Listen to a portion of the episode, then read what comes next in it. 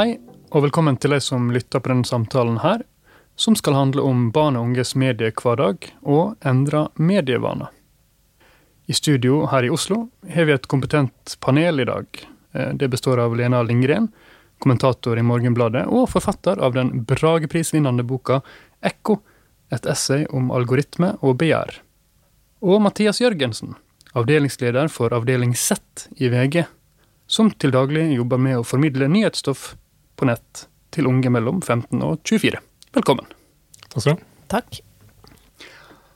Mitt navn er Øystein Espe Ba, og til daglig jobber jeg som faglig leder på Norsk barnebokinstitutt.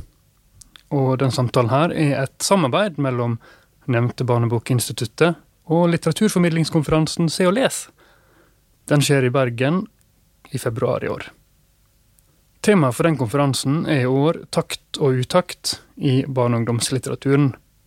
Og det er i forlengelsen av det at vi i denne samtalen er ute etter å skape en litt bedre forståelse eh, rundt hvordan barn og unges mediebruk er i dag, og hvordan den er i endring.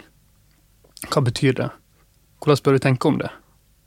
Og hvorvidt endrer det spillereglene for de av oss som jobber med litteratur og formidling til daglig?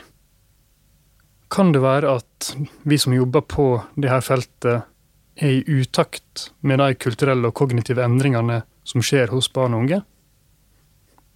Så, Lena, vil du bare fra scratch eh, starte og fortelle litt om boka di? Det kan jeg gjøre. Jeg Det startet vel i øh, 2019 så var jeg i Silicon Valley. Dro dit for å øh, forstå uh, mer av det digitale rystelsen, da. Uh, hvordan liksom alle områder av livet. Alt fra kunnskapstilegnelse til medier og til alle våre intime soner også, ikke sant. Hvordan vi dater og hvordan vi snakker med venner. Hvordan liksom det digitale har på en måte trengt inn i alle soner av livet.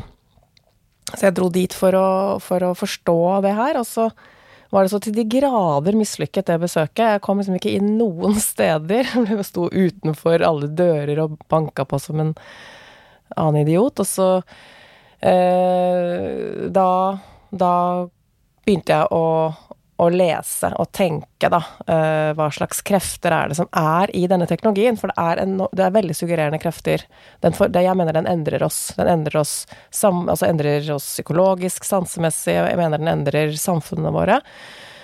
Um, og eh, så ble det da til et essay, uh, som er en slags sånn tankeeksperiment om om um, hva slags uh, om, ja, hvordan de kreftene virker, og for å fortelle det, så kom jeg fram til denne myten da om Narsissus og Ekko, så det er det som er tittelen. Ekko, den er oppkalt, uh, boken er oppkalt etter den greske fjellnymfen Ekko, som um, bor i fjellene, og som forelsker seg i Narsissus.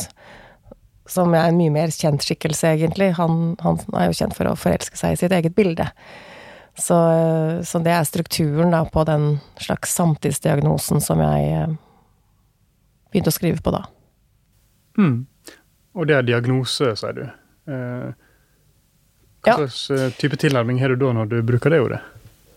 Altså, en samtidsdiagnose er um, egentlig et begrep fra sosiologien, eh, tror jeg. Altså, det er, eh, det er å forsøke å finne en eller annen eh, et eller annet ord, eh, eller en tilnærming som, som setter Som klarer å ha liksom nok eh, rikdom i seg da, til å fange en tidsånd, eller en livsfølelse.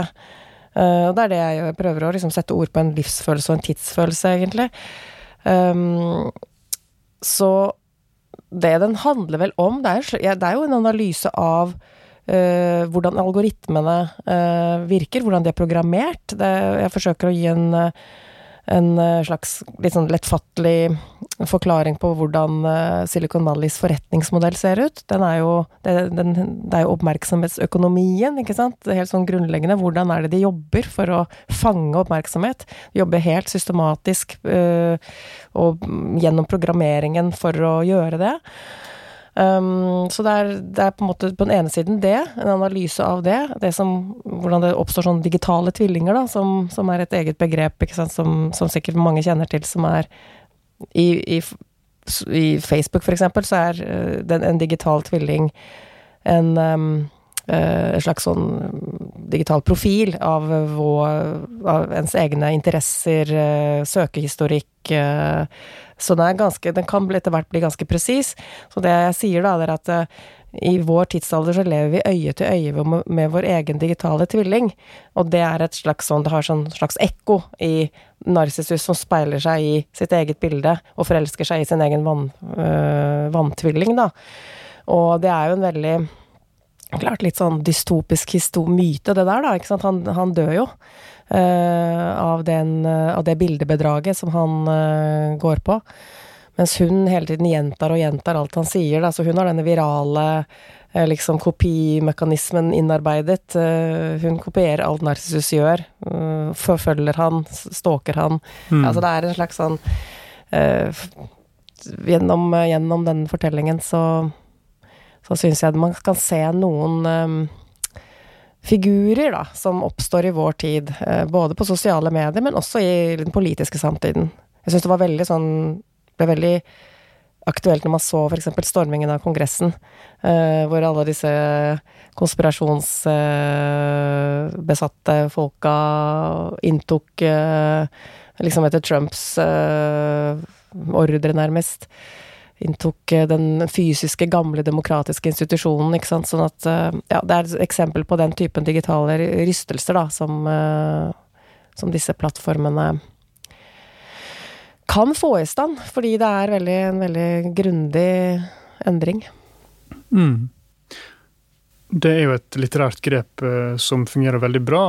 Det mytologiske, å hekte det på ekko gjennom boka di. og Um, jeg vet ikke, jeg har altså så mange spørsmål til, eh, til deg sånn innledningsvis. og uh, Jeg tror jeg bare skal ta noen av dem før, før vi slipper til uh, Mathias og VG-perspektivet på det hele. Uh, hvis det er greit. Og du skriver i boka di, Lena, at det er ikke tilfeldig at de selskapene som grunnla sosiale medier, Facebook og Google, nå forsker på teknologi som skal i hermetegn forbedre kroppene og hjernene våre. Målet er å gi oss sterkere syn og hørsel, raskere reaksjonsevne og radikalt bedre hukommelse. Det høres jo veldig bra ut. Eh, og videre så viser du til Marshall McLuhan, som i 1969 sa at menneskeheten vil legge leseferdighetene bak seg, i hermetegn. Og han McLuhan, eh, som du viser til ofte, eh, iallfall noen ganger, han mener at medieteknologien var den viktigste endringskraften i historien. Og videre at uh, sitat, 'nå var skriftkulturen på hell'. Uh, den elektroniske teknologien ville endre oss, først på sansenivå, deretter på samfunnsnivå. Igjen vil mennesker bli sine egne medier, ifølge McLuhan. For slik er historiens gang, skriver du. Hva betyr dette for oss uh, som er født på dette årtusen, egentlig? spør du liksom i boka di, sånn, sånn jeg leser det. og men du har vel kanskje ikke funnet svaret på det, eller har du det? Nei, det har jeg ikke. Jeg tror vi er på vei inn i Vi har nettopp startet. Det som er interessant med McLuhan, var jo at han skrev jo om internett og elektron, den, liksom, de elektroniske medienes virkning uh, for 30, Er det 35 år siden? Det tror jeg. Uh, så at han, han spådde jo internett, han er jo det han er litt kjent for, ikke sant. At han sa liksom vi går inn i den globale landsbyens uh, æra. Og der vil vi bli uh, digitale krig... Nei, ikke, han sa ikke det, selv, selvsagt ikke ordet digitalt, men han sa vi vil igjen bli tribal man. Altså vi vil, vi vil bli stammekrigere, da. Så dette med liksom sånne flame wars og skittstormer og sånt nå, det, det, har han faktisk ganske sånn presise beskrivelser av. Det jeg, det jeg syns Marshall McLuhan gjorde så utrolig elegant da, på, på 60-tallet. Han ble en sånn popkulturelt ikon da. Uh, og det var jo litt sånn med, med tanke Det var sånn Madmans-arena, uh, ikke sant. Sånn uh, reklameskilt, og man ser, kan se liksom Altså, han ble Det var han som for eksempel sa var opphavet til det ordtaket til Andy Warhol om at alle, i framtiden skal alle ha sine 15 minutes of fame. Det var, han, mm. det var egentlig McLuhan. Uh, han ble liksom uh, invitert spesielt av Yoko Ono og John Lennon til deres uh, Til deres sånne seminarer og sånn. Han var veldig, veldig man følte at han tok tiden, men det som var spesielt med han var jo at han faktisk hadde en sånn enorm sånn, sånn nevrologisk sensitivitet og en sånn klarsynthet, da. Mm. Og sa noe om, om, effekter, sansemessige effekter, som vi egentlig mer opplever i dag. Og um, det jeg tror, er at han nesten laget en slags sanseteori, hvor han sa at medier, det er forlengelser av våre sanser. Sånn at når mediene endrer seg grunnleggende, så endrer vi oss som sansevesener. Mm. Og, eh, og, det er litt det som man kan Når han spår da, at lesningen eh, mens menneskeheten vil legge lesningen bak seg, så vet ikke jeg om det Jeg vet ikke om det er sant, men jeg bare syns det er en utrolig interessant påstand så tidlig. Uh, og jeg tror kanskje Jeg tror nok at denne sansesiden da, av medier er litt lite forstått. Mm. At vi hele tiden bare driver med hjerneskanninger og prøver å liksom Ja, hvis vi ikke kan bevise det sånn og sånn, så, så, så tror vi ikke det. Men jeg, jeg tror at, uh, at det, med, det primære mediet til enhver tid former både samfunn og menneskeheter veldig grunnleggende. Eller mennesker veldig grunnleggende. Mm. Uh, og at lesningen, uh, når vi har vært liksom lesningens uh, tidsæra vil se helt annerledes ut enn uh, en, uh, nettet og den kunstige intelligensens tidsæra, da. Vi er jo i ei brytningstid på mange måter. slik vi vurderer vår egen tilstand akkurat nå, vil jo det ikke være naturlig å vurdere den som om 20 år, hvis vi ser tilbake. Støpeskeia og det, alt det der. Og her står jo du, Mathias uh, Jørgensen, i, i, VG godt plassert midt inn i de endringsprosessene som, som foregår teknologisk, men også eh, psykologisk og kognitivt eh, hos barn og unge. Du er på en måte blant de som eh, jeg vil tro har mest innsikt i og har størst på en måte nærhet til den temperaturmåleren som, som kan si noe om barn og unges mediebruk, eh, hvordan, eh, hva, hva, som appellerer til dem, f.eks., eh, til enhver tid. Og med det bakteppet, intet mindre, så vil jeg bare at du skal komme til orde her endelig. Etter den fine innledninga til Lena. Vi skal også bore litt mer i det du sa, Lena, etterpå. Men vil du helt overordnet bare si hvordan starta det her avdeling Z-satsinga i VG, og, og, hvordan tenker dere? Hva, hva gjør dere?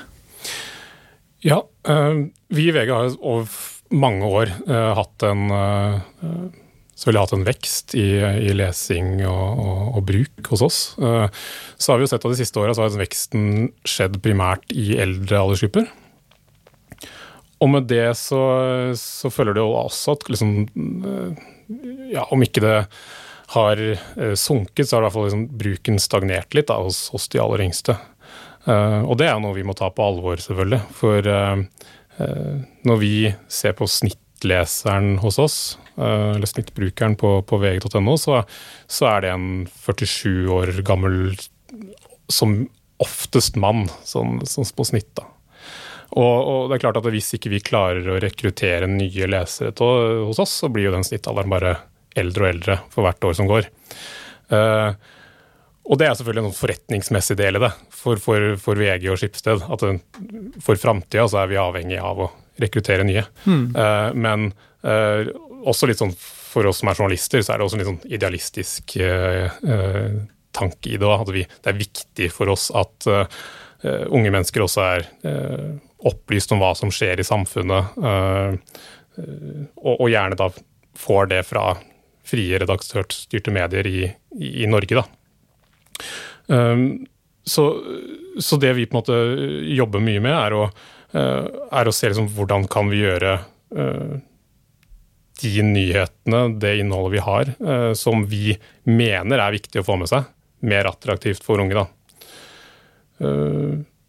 Og over veldig lang tid så har vi vært ekstremt gode på å maksimere innholdet vårt i VG. Altså Det betyr at vi, vi, vi, har fått mest mulig lesing inn på de sakene vi har. Uh, og, og, men, men, det gjør man jo ved å tilpasse det til den snittbrukeren vi har, da, til den 47-åringen. Mm. Uh, og da, da, ser vi ok, da har vi hatt en stor vekst i antall klikk og antall minutter brukt og alt sånne ting. Uh, men det har da gått på bekostning av de som ikke er 47 år gamle. Uh, som, som, sier til oss i, når vi snakker med dem, eller som vi hører i andre sammenhenger, uh, at de opplever uh, forsiden på vg.no som laget for noen som er eldre enn dem. Da. Så når vi, når vi, så det såpass tydelig hos oss, så så, så vi at vi måtte, vi måtte, gjøre noe. Eh, vi måtte uh, prøve å snu den trenden litt. Så uh, min avdeling, da, som er, en, som er en del av redaksjonen i VG, uh, har mer som oppgave å optimalisere innholdet vårt fremfor å, å maksimere det. Altså vi skal, vi skal, se på den unge målgruppa, og vi skal, vi skal lage noe som de er fornøyd med, rett og slett. I, I, motsetning til å maksimere, sa du. Mm. Eh, optimalisere. Hva, kan du utdype litt hva du legger i det? Ja, altså, eh, sånn, sånn, rent teknisk, da, så har vi, vi har, vi har uh, mange uh, systemer for å, for å, få mest mulig lesing. Da. Altså, dette går litt inn på liksom, uh, altså, Mye mindre avansert enn de algoritmene som, som vi snakka om tidligere her. men F.eks. vil en sak eh, kunne legges på forsiden av VG med uh, tre ulike titler uh, samtidig. Og så, tar datamaskinene og, sort, og, fordeler det jevnt ut til alle som besøker forsida vår. Og så får vi statistikk på hvilken av de titlene som gir flest klikk. Mm. Og da er jo det letteste valget er jo da å velge, velge den tittelen som gir mest klikk, og gi den til alle. Det er det man kaller AB-testing. Mm. Eh, og hvis man gjør det over veldig lang tid, eh, så vil jo hele den forsida appellere mer til den snittbrukeren som klikker mest. Og, da, og da vil vi igjen rekruttere flere i den, eh, den aldersgruppa, eller den, eller den snittbrukeren, da, til å bli faste brukere av oss. Og, vil, og, de vil igjen da få enda større påvirkning på den testinga vi gjør. Så det blir en sånn, sånn feedback-loop mm. i det, som er, i mange sammenhenger er, er, kan være bra for oss, men uh, ikke hvis du på en måte skal uh, treffe hele bredden i, i folket, da, alle aldre.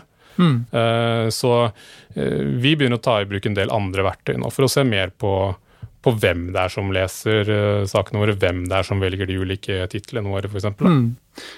Og når vi snakker om avdeling Z, som du er leder for, mm så er målgruppa deres 15 til 24 år, sånn som jeg forsto det. Mm. Fra ditt perspektiv, eh, nå er vi mange lyttere som, som jobber med barne- og ungdomslitteratur, eh, eller som er interessert i det. Og, men hvordan ser du på akkurat den, den målgruppa, og, og, hva er det som appellerer? Hva slags type kommunikasjonsvirkemiddel eh, er det som slår an? og og ja, hva slags målgruppeforståelse legger dere til grunn for det arbeidet som dere eh, så godt lykkes med, som jeg forstår? Mm. Eh, jeg kan ta, ta, kjapt først. Eh, avdeling sett spiller jo da på generasjon Z, ikke sant. Altså den, den ja, generasjon som du kan, du kan sånn generelt si mellom 15 og 25 da, i dag. Uh, uh, men det er viktig for meg at, at, vi skiller på generasjon og alder i det her. sånn. Altså, fordi noen ting eh, rundt interesser og sånn er veldig knytta til alder. Altså F.eks.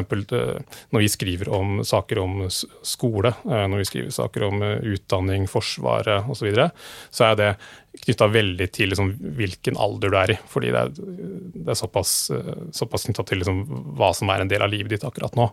Men så er det de tinga vi virkelig må ta på alvor, er jo det som knytta til generasjon. Hva, hva denne uh, generasjon sett uh, har av behov som vil følge dem gjennom hele livet. Og Noe av det tydeligste er kanskje at de er mye mer kravstore til oss enn tidligere generasjoner, enn, enn hva min generasjon f.eks. er. Er du generasjon Y? Oi, jeg, men jeg, er vel mer millennial, tror jeg. ja. Så, men, men ja. Like over 30. Uh, så, men, men, poenget mitt er at jeg har jo da vokst opp og, så, med det å uh, måtte koble meg til internett med et, uh, med et modem, ha begrensa tid på internett, vente på at bilder og tekst og sånn laster inn på nettside. Mm. og, og, for oss så var på en måte den derre overgangen som mediebransjen har vært igjennom, da, fra papiravis til nettavis, den, den, ga mening fordi vi hadde sett en tekst med et stort bilde. Mm. en, stor tittel og så en ingress og så en lang brødtekst. Den hadde vi sett i en, i en papiravis. Og når den da ble kopiert over på, på nett, så ga det mening for oss. Det var den formidlingsformen vi var vant til. Mm. Men for de, de, yngre eh, generasjonene, for generasjonen sett, så er de, de er vokst opp med å alltid ha tilgang til internett. Eh, eh, de er vokst opp med at ting bare dukker opp når du trykker på det. De, de har veldig høye krav til brukervennlighet. Og så er ikke den derre den formidlingsformen som vi driver med i nett, den vanlige formidlingsformen i hvert fall, som vi driver med i Nettavisen i dag, er, er ikke liksom normalen for dem nødvendigvis. Da. De ser heller til hvordan en, en Insta-story er bygget opp, uh, hvordan en video redigeres på YouTube osv. Så, videre. så, så vi må, må, nok tilpasse oss det i mye større grad. da. Mm. Oh, jeg har så mange spørsmål også til deg, Mathias. vi får bare prøve så godt vi kan å komme oss gjennom. Lena, du også har et spørsmål til, til Mathias. Du vil bare kjøre på, vi. Jeg bare syns det var så interessant, fordi at akkurat det, da, altså at vi Vi som Du er, jeg er generasjon X, ikke sant? sånn uh, Og det her er ganske sånn Hva skal jeg si Disse generasjonsbetegnelsene, de sier noe, tror jeg, da, om vårt forhold til medier.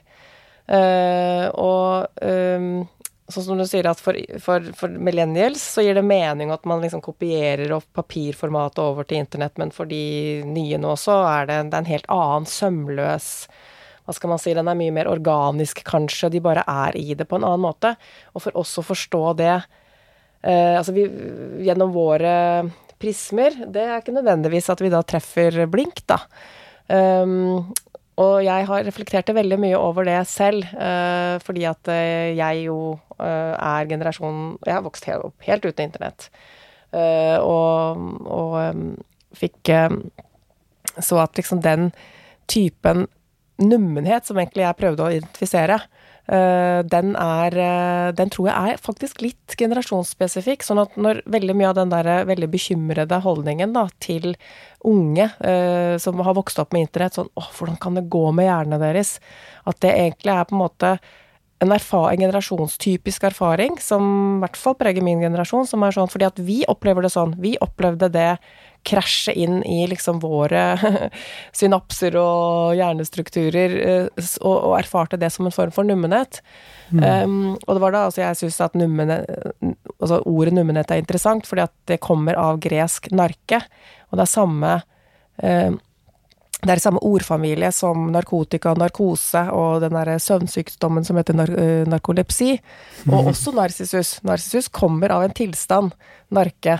Så at dette her er liksom en slags sånn uh, sansemessig, søvndyssende nummenhetsfølelse uh, liksom, av Og det tror jeg Jeg tror at når man overfører den på disse spretne liksom uh, åtteåringene eller uh, ja, altså generasjon Z, da, så tror jeg kanskje vi kan gjøre noen feil, da. Altså jeg tror man kan uh, tenke feil om det. Det er jo interessant at, at du sier det, du som har skrevet ei bok eh, som av mange kan, eller iallfall kan bli opplevd som litt eh, At du at du heiser noen røde flagg eller bekymrings, en bekymringsmelding til, til leseren om, om hvordan uh, eh, utviklinga går. Uh, men som du sjøl sier nå, så jo det, kan jo det hende at noe av grunnsynet ditt eller grunnholdninga til det, hvis du um, blander inn dine egne følelser, er nettopp uh, fra en ståstad som, som, som det du beskriver nå. Har du, har du, reflektert over det i boka di, eller er det noe som du på en måte fikk en uh, epifani om nå? jeg uh, Altså, jeg har jo skrevet det som en veldig subjektiv uh, tankestrøm. så jeg føler vel liksom ikke at jeg prøver å si noe som er sånn objektivt sant for alle, men, men jeg har jo også sett at mange Veldig ofte så, så, får jeg tilbakemelding fra folk, og det er et ord de ofte bruker, og det er at eh, de syns det er skremmende. Mm. Og det, det, er faktisk litt overraskende for meg. Å ja, var det så, var det så negativt det liksom er? Mm, mm. Og, jo, men det er klart det. Jeg har massevis av bekymringer. Jeg syns det er grunn til det også. Altså, jeg er teknologikritisk. Øh, det står jeg for. Altså ikke sånn generelt, men jeg mener virkelig at øh, det er mye naivitet knyttet til teknologi. Det er alltid en ideologi som er nedfelt i teknologien, og den er vi ofte helt ubevisst om. Og jeg mener at Silicon Valleys eh, forretningsmodeller er liksom Altså, jeg syns det er uetisk, rett og slett. Det skriver du jo fryktelig mye bra om i, i boka di. Eh, det vil jeg jo si. Eh, men du er ikke teknologioptimist? Nei, Nei. men jeg er heller ikke Jeg vil bare si at jeg syns også det er liksom ikke hensiktsmessig å være uh, deterministisk, verken, verken den, i den rent positive eller den rent negative. Altså Hvis man liksom sier sånn at teknologi vil alltid kunne gjøre verden bedre, det har jo vært den rådende ideologien i Silicon Valley, um, så mener jeg det er en Det er ikke grunnlag for den typen deterministisk tenkning.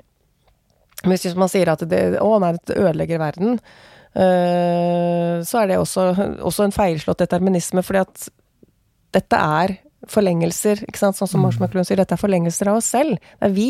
Det er vi som er problemet. Altså, det er vi, våre egne blindflekker og våre egne uh, feilslutninger, og det er vi som bestemmer her. Men, men, liksom, det samspillet er vi veldig lite bevisst om, da. Uh, og så jeg er egentlig kanskje ikke så pessimistisk som det Interessant. lyder. Du, du Mathias, du jobber jo i, i VG med å lykkes med å på en måte fengsle og oppsluke den, den målgruppa med, med et, eh, et, sett av virkemiddel som er på en måte det en lærer vil kalle multimodale, eller det som folk flest kaller med lyd og bilde, liksom. Uh, mens, mens, eh, en del av de tingene du skriver om, Lena, handler jo om også en slags analyse av hvordan man, ja, man er sammenvevd med medier på en helt annen måte nå enn, enn man var før. Spesielt den oppvoksende generasjonen skiller ikke mellom um, IRL, f.eks., i hermetegn, og, um, og nettbasert sosialisering. Uh, Internett er ikke adskilt i like stor grad fra livet ellers som det er for den som er uh, 40, 50, 60 år i dag. Så det er jo på en måte veldig interessant å, å finne noe i midten der, tenker jeg en, en, plass der man kan jobbe ut fra eh, en, holdning, en grunnholdning som ikke er nødvendigvis utelukkende teknologioptimistisk, ei heller eh, negativ, eh, pessimistisk, men kan finne måter å jobbe innafor for det, det, samfunnet som til enhver tid utvikler seg. Men det igjen betyr jo kanskje at man stiller seg litt passivt til, til utviklinga, og, og, ikke, og ikke søker å, å, påvirke den i ei viss retning. Eh, for det er jo også mulighet for, både innen hvis man tenker eh, språkforskning, så, så, er jo det et syn på språk at, at ting blir bare verre og verre, og, barna klarer ikke å, prate skikkelig lenger og eh, sånn. Og så er den andre helt motsatte, som er sånn nei, nei, språket er bare språk, og det er i endring.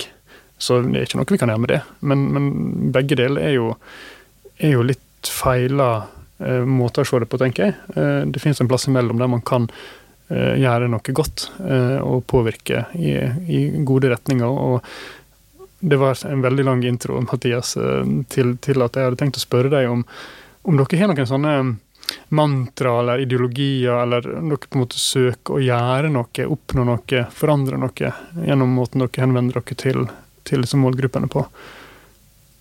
Mm. For det første vil jeg si at vi er nok ganske mye mer optimister, da. Eh, teknologioptimister også. Så vi er, vi er jo selvfølgelig også uh, avhengig av det. Uh, vi kan ikke på en måte stå og tviholde på, på det gamle uh, hos oss. men jeg ser jo på en måte positive, positive ting med den utviklinga som er. Jeg tror aldri vi ville nådd ut til så mange under 20 f.eks. som det vi gjør i dag, uten uten at vi hadde hatt de sosiale mediene. Eh, vi har en, eh, rundt en kvart million som, som leser eh, nyhetene våre på Snapchat hver dag. Og det, det er blant de aller, aller yngste da, sosiale mediebrukerne. Det hadde, ikke vi, hadde ikke vi fått til på vg.no, f.eks. Men vi må jo da tilpasse oss, oss veldig, og det, det, er jo et veldig godt eksempel på det du, på det du, du sier med liksom, være mer multimedial og sånt. Vi, vi, ser at det, jo yngre de er, jo høyere forventninger har det til at uh, det vi formidler, formidles med det mediumet som uh, uh, egner seg best til den aktuelle saken. Altså, jeg, altså, si f.eks. hvis det er en dramatisk hendelse, så, så er det må vi alltid bruke video. Er det mm. mange tall og datoer, så bør det være en, en graf eller, eller lignende. Uh, mens uh, andre ting kanskje fortsatt formidles best i tekst. Uh, men det vi får muligheten til, til, nå, er jo da nettopp å sette sammen de ulike medietypene til det aller beste uh, totalproduktet, da. Og det, og, det, tror jeg er, er bra, da. En ganske pragmatisk ja. holdning, egentlig det som til enhver tid fungerer best som kommunikasjon, blir brukt. Ja, riktig. Og det betyr at når, eh, når neste generasjon, som jeg ikke helt vet navnet på ennå, eh, men la oss si dattera mi, som er tre år, vokser opp og skal begynne å Kanskje det finnes smarttelefoner fremdeles, hvem veit. Men VG finnes kanskje, da. Så, så vil det, det som møter henne, være en en drastisk annerledes eh, formspråk, et, et, annerledes formspråk enn en det som møter dagens 20-åringer. Eh, er det på en måte filosofien som ligger bak? At, at, at man endrer seg så til de grader i takt med, med brukeren, brukerne sine, sine endra medievaner at, at man alltid er på ballen? Ja, absolutt. Altså, vi, vi, ser, altså, uh, Premisset her må jo være at vi ser på det å uh, få med seg nyheter som noe positivt. Da. Uh, men i hvert fall, hvis, hvis, vi har det som premiss, så, så, tror jeg det at vi kan tilby nyheter og informasjon i flere mulige, på flere mulige måter, er positivt. Altså, og, det, og, det, kommer til å være et krav i framtida. At du du kan uh, høre på nyhetene mens du lager mat, uh, og du kan Eller sitte på, sitte på, bussen. Det er ikke sånn at du må nødvendigvis lese det. Altså, vi, må, vi må tilby, tilby, det i mange ulike formater. Da. Samme, det samme innholdet, og slett. Mm. Grunnen til at jeg spør, er jo at jeg prøver å om mulig skissere opp en, en slags analogi til, til litteraturformatet mm. også. Eh, når jeg sitter og hører på deg prate om disse tinga, eh, så ser jeg en Hører jeg en form for eh, endringspragmatisme i forhold til teknologien, som, som jeg ikke alltid ser i den bransjen som, som jeg står mest i, eller de uttrykksformene som jeg, jeg, jeg hanskes med oftest, nemlig la oss si papirbok, ungdomsroman, for å ta ett eksempel. da Altså at endringene i de formatene er ikke like mm, drastiske eh, og eh, kontinuerlige eh, som, som, det du beskriver. Eh, og spørsmålet da er på en måte Ser dere at eh, den polariseringa kommer til å øke da i så fall framover? At, at barn og unge kommer til å få så kraftig endring av sine kognitive forutsetninger og mediale eh, vaner at, at de på en måte er ute av ute av syne og ute av reachen til, til, de som måtte forsøke seg med andre format i framtida, hvis dere forstår spørsmålet. Lena, har du noen tanker om det? Ja, jeg tenker at um, det er i hvert fall veldig viktig at vi uh, At alle bransjer da, uh, som driver, jobber med eh, formidling og kunnskapsformidling og kunst og nyheter også, ikke sant, altså er egentlig veldig offensive. Og ikke sånn Ikke bare tviholde på, på gamle formater fordi at det, det som er eh, dette er en helt ny infrastruktur vi ferdes i, ikke sant. Vi bruker store deler av livet vårt. Uansett om vi på en måte vil eller ikke, så er hele liksom, store deler av virkeligheten flyttet over i en ny infrastruktur, en ny arkitektur. Og, og, der er vi, og der må vi møte. Da må vi passe på en måte på at barn og ungdom også møter tilbud med høy kvalitet, da. Ikke sant. Sånn at eh, jeg syns jo det er veldig interessant å høre deg fortelle om VGs Altså det at det, at det er viktig at, altså at, barn og ungdom møter, møter nyhets, uh, nyheter i det hele tatt. Det er ikke noe selvfølge.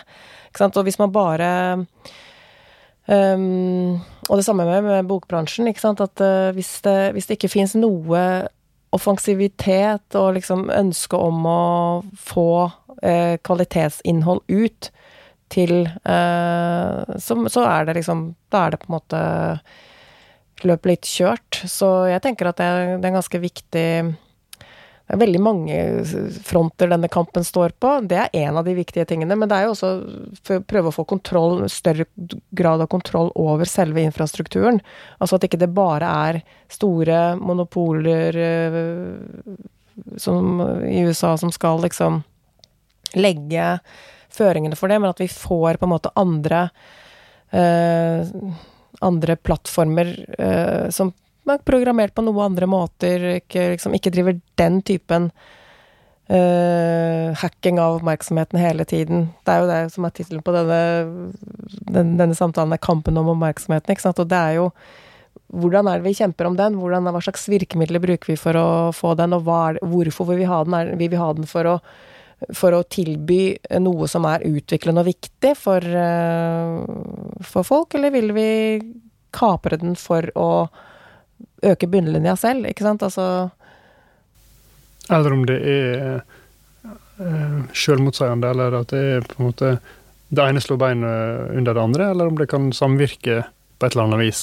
Du, Mathias, uh, har sikkert noen, noen tanker om det, tenker jeg.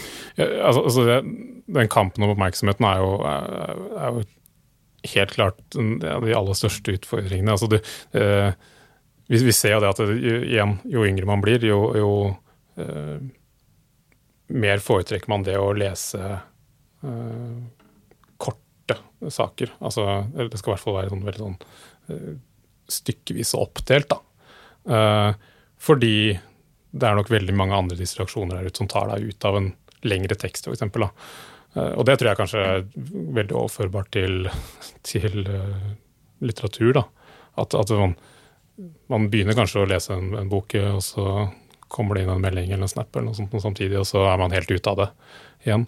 Um, så og, og, men, men, og, og, det er en helt, helt, åpenbar utfordring for oss også når vi skal presentere litt, sånn, litt dypere saker da, på, på VG. Liksom en, en, en uh, gravesak eller en lengre feature-sak, så må vi jobbe mye mye mer, uh, som på Snapchat f.eks., med, med å være veldig uh, tabloid og hardt vinkla inngangene. For liksom virkelig fange leseren med, uh, med, med, budskapet, sånn at de da etter å ha lest seg gjennom sånn tre-fire av de korta, kanskje har lyst til å sveipe seg inn i den lengre teksten for å gå virkelig i dybden. da.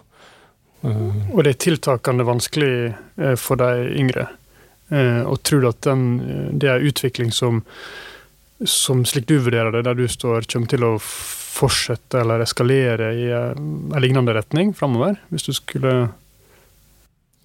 Ja, altså, jeg tror den kampen og oppmerksomheten kommer til å uh, kommer ikke til å gå over, så, så det kommer til å være uh, absolutt et problem. Så, så, må det eventuelt om det kommer noen sånn uh, motreaksjoner da, hvor folk liksom kobler seg mer av og sånn, men, men jeg tror nok det kommer til å om ikke tilta veldig, så, i hvert fall fortsette å være sånn det er nå. Da. Kamera Helena, Lena? Hva tenker du om disse spørsmålene? Jeg satt egentlig, egentlig, nå og tenkte på hva vet vi om lesning? Altså fordi at jeg eh, synes det har vært så mye sånn motstridende beskjeder mm, om det. Det var sånn veldig lenge at det nå stuper boksalget og lesningen. Mm. Uh, men, men, vet det vel kanskje du om? Det vi vet er at det er ikke så bemerkelsesverdig store endringer i f.eks. minutt brukt per bok per barn. 9-15 okay. f.eks. Eh, de siste 20 åra. Når vi ser smarttelefonen f.eks. Eh, dukke opp. så, så, viser du i, alle fall i boka di til at uh, det finnes statistikk som viser at ok, da øker forekomstene eller diagnostiseringa av uh, visse hva vi skal kalle det, samtidsmedisinske diagnoser. angst mm, mm. Ja, det er mulig at jeg leste litt feil der, men Ja, men det er jo det er sånn mildere altså Det som kalles for lettere psykiske plager, ja, har økt. Sant, da. Ikke sant. Det kan jo være, ha forskjellige faktorer involvert mm. også, så man kan ikke nødvendigvis bare pinpointe det på en smarttelefoninntog.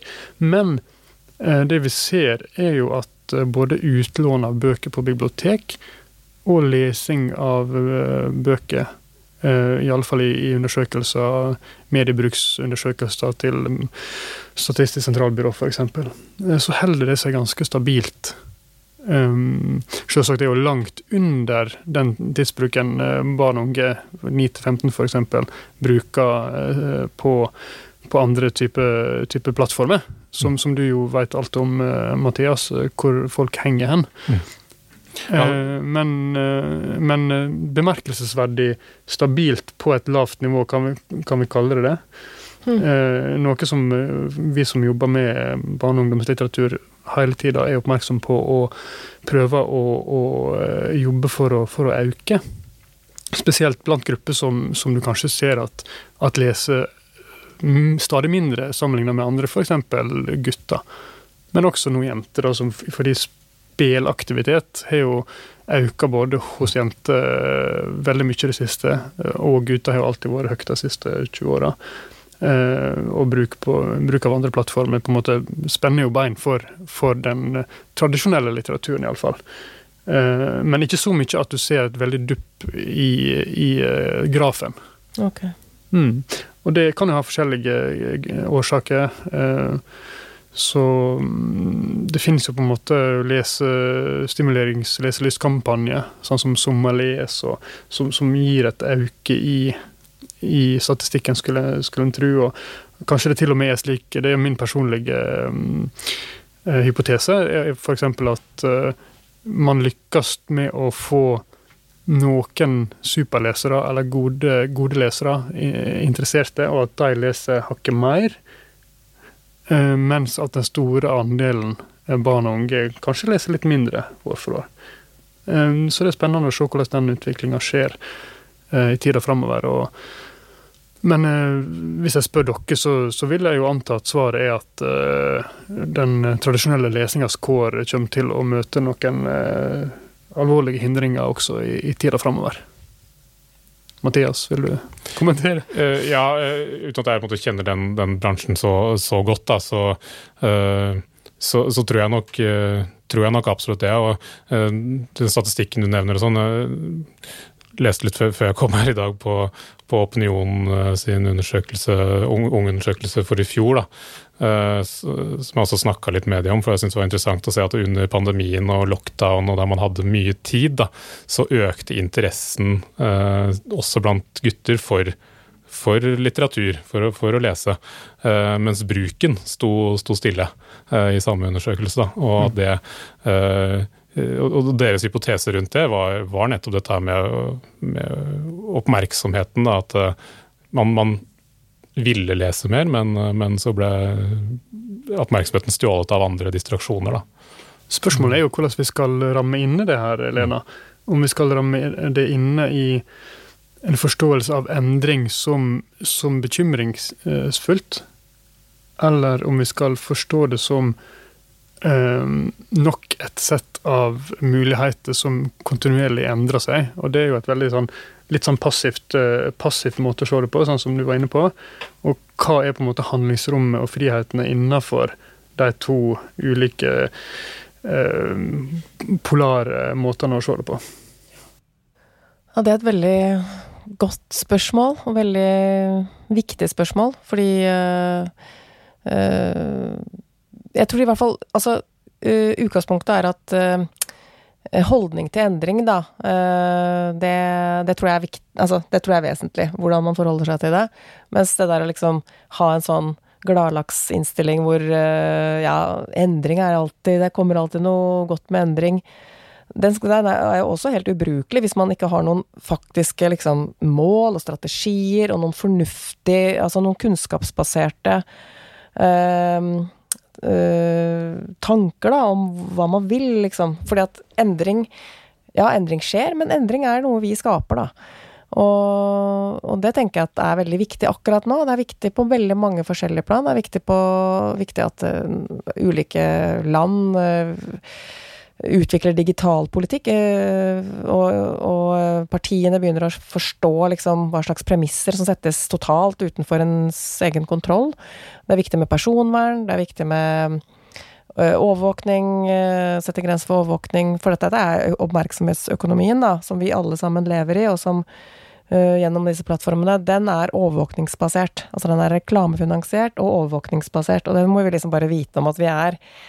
Dette er ingen, uh, dette er ingen liksom uh, sted vi kommer inn bare for å hente informasjon, eller bare for å snakke med venner og sånn. Dette er sterke krefter som har helt andre mål med at vi er der. Det er derfor, det er derfor vi faktisk er der så mye. At det er et samspill mellom våre egne psykologiske krefter og de teknologiske programmene. Og det er en skikkelig match, liksom. Det er sånn det gjør at vi jo i gjennomsnitt er syv timer eller noe sånt nå på, på nettet i døgnet, verdensborgeren, da. Eh, så, så, jeg tenker at uh, synet på endring er sånn Ja, vi den, Dette er uh, Medieteknologien har jo veldig kraftfullt potensial. Vi må bare vite hva slags Hva vil vi bruke dette til? Vi kan løse problemer med det. Vi kan få til store endringer med det, men vi må vite hva vi vil endre, og hva vil vi endre til. Mm. Og det er en samtale som som jeg tror egentlig begynner å komme nå, da. At man ser på en måte at dette er skikkelig kraftige saker. Det er uh, et våpen, mm. på en måte. Det kan være et verktøy, men, men vi må skjønne mer av, uh, av, samspillet mellom det og oss selv, da. Hva slags samtale har dere hos dere, Mathias, på det området? Altså, på det med å være da enten se, se på det som, som noe veldig eh, si, skremmende og, og, og, være litt pessimistisk, og det å være veldig optimistisk, så er det en ganske for, for stor forskjell innad også hos oss. Da. Vi har noen som er eh, hos oss som mener vi bør kaste oss på alt nytt og sånt, og de som vil holde, holde tilbake. Men uh, det det kommer nok liksom helt ned til liksom, det, det, mye av det forretningsmessige hos oss. Da, det må vi på en måte innrømme at det er liksom det viktigste. Hva er det vi faktisk kan hva er, hva er, det vi kan gjøre, og hva er det vi må gjøre for å, for å si, overleve da, i tida fram i tid også. Det, det er det eh, viktigste, kanskje. Det er jo en viktig driver for, for utviklinga av teknologien, akkurat det, det, du er inne på nå. Hva er det som kommer til å selge mest annonse annonser mm. om fem år? Uh, samtidig som det er jo et spørsmål om høna og egget. Uh, hva er det som, som kommer først? Vår, eller VGs for eksempel, aktive um, forming av målgruppene og mm. deres forventninger til innholdet og hvordan det blir presentert, eller om det er på en måte barn og unges endringer på grasrotnivå som dere hele tida tror at dere prøver å hoppe etter og, og, finne ut av og tilpasse stoffet etter. Um, Men det er jo også veldig det at VG har muskler da, og ressurser eh, til å være så tidlig ute og faktisk være i de på de plattformene som eh, få andre er på. Eh, som Snapchat og sånn for eh, Og du sa, nevnte før vi gikk inn at dere også hadde forsøkt TikTok, men det var et format som var liksom vanskelig å gripe. Og det er jo Jeg jobber jo i Morgenbladet. Vi også er jo uh, klart Jobber masse med, med digital, uh, digital, strategi, ikke sant. Uh, og det er jo veldig viktig, fordi at der skal vi møte folk. Og hvis man har tro på at, at formidling av sammenhenger og nyheter er viktig, og det er det jo, så må man rett og slett være der. Og jeg syns at det at VG kan ta den uh, ta den offensive rollen inne mot de målgruppene, det gjør at det ikke bare er liksom influensere og andre typer spiral, sånne spirale ting som bare er sosialt skapt. Altså det er, det er liksom profesjonelle aktører med presseetikk, med kriterier for vesentlighet og, og aktualitet, ikke sant. Sånn vanlige journalistiske og redaktør, redaktørstyrte medier. Kjempeviktig. At vi fyller Vi går inn og fyller og setter premissene inne, inne i de universene, da. Mm.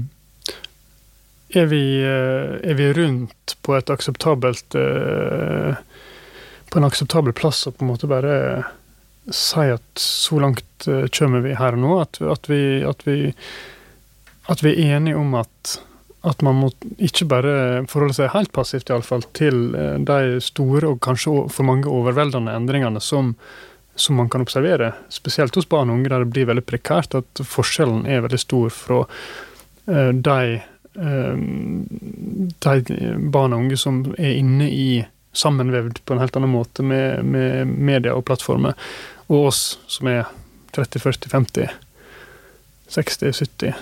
Um, og, at, og, at, vi som ikke er like inne i det, vi står i periferien og forstår det kanskje litt, forstår hvordan vi kan bruke virkemidler til å oppnå visse ting, at vi har likevel en slags om ikke en plikt, men en mulighet i alle fall til å, å gjøre gode ting innenfor de rammene som, som finnes.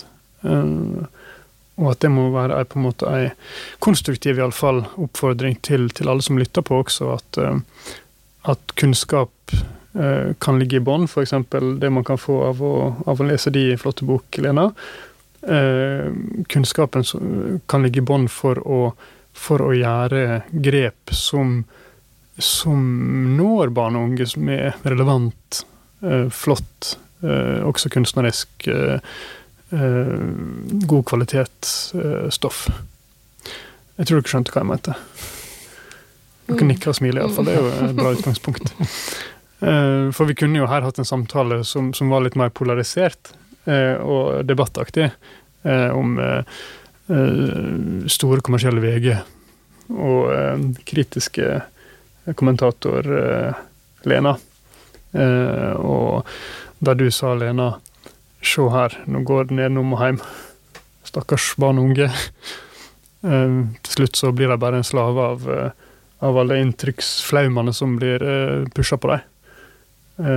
Et rom som er så metta av, av inntrykk og bilde og lyd og tekst at det er ikke rom til å være verken kritisk eller se seg sjøl utafra. Um, og så kan vi på en måte lande en plass i midten, da, tenker jeg. At det er et fint, uh, fint sluttpunkt for den samtalen. Mm. Så um, tusen takk for at dere bidro til det. Tusen takk. Takk, takk.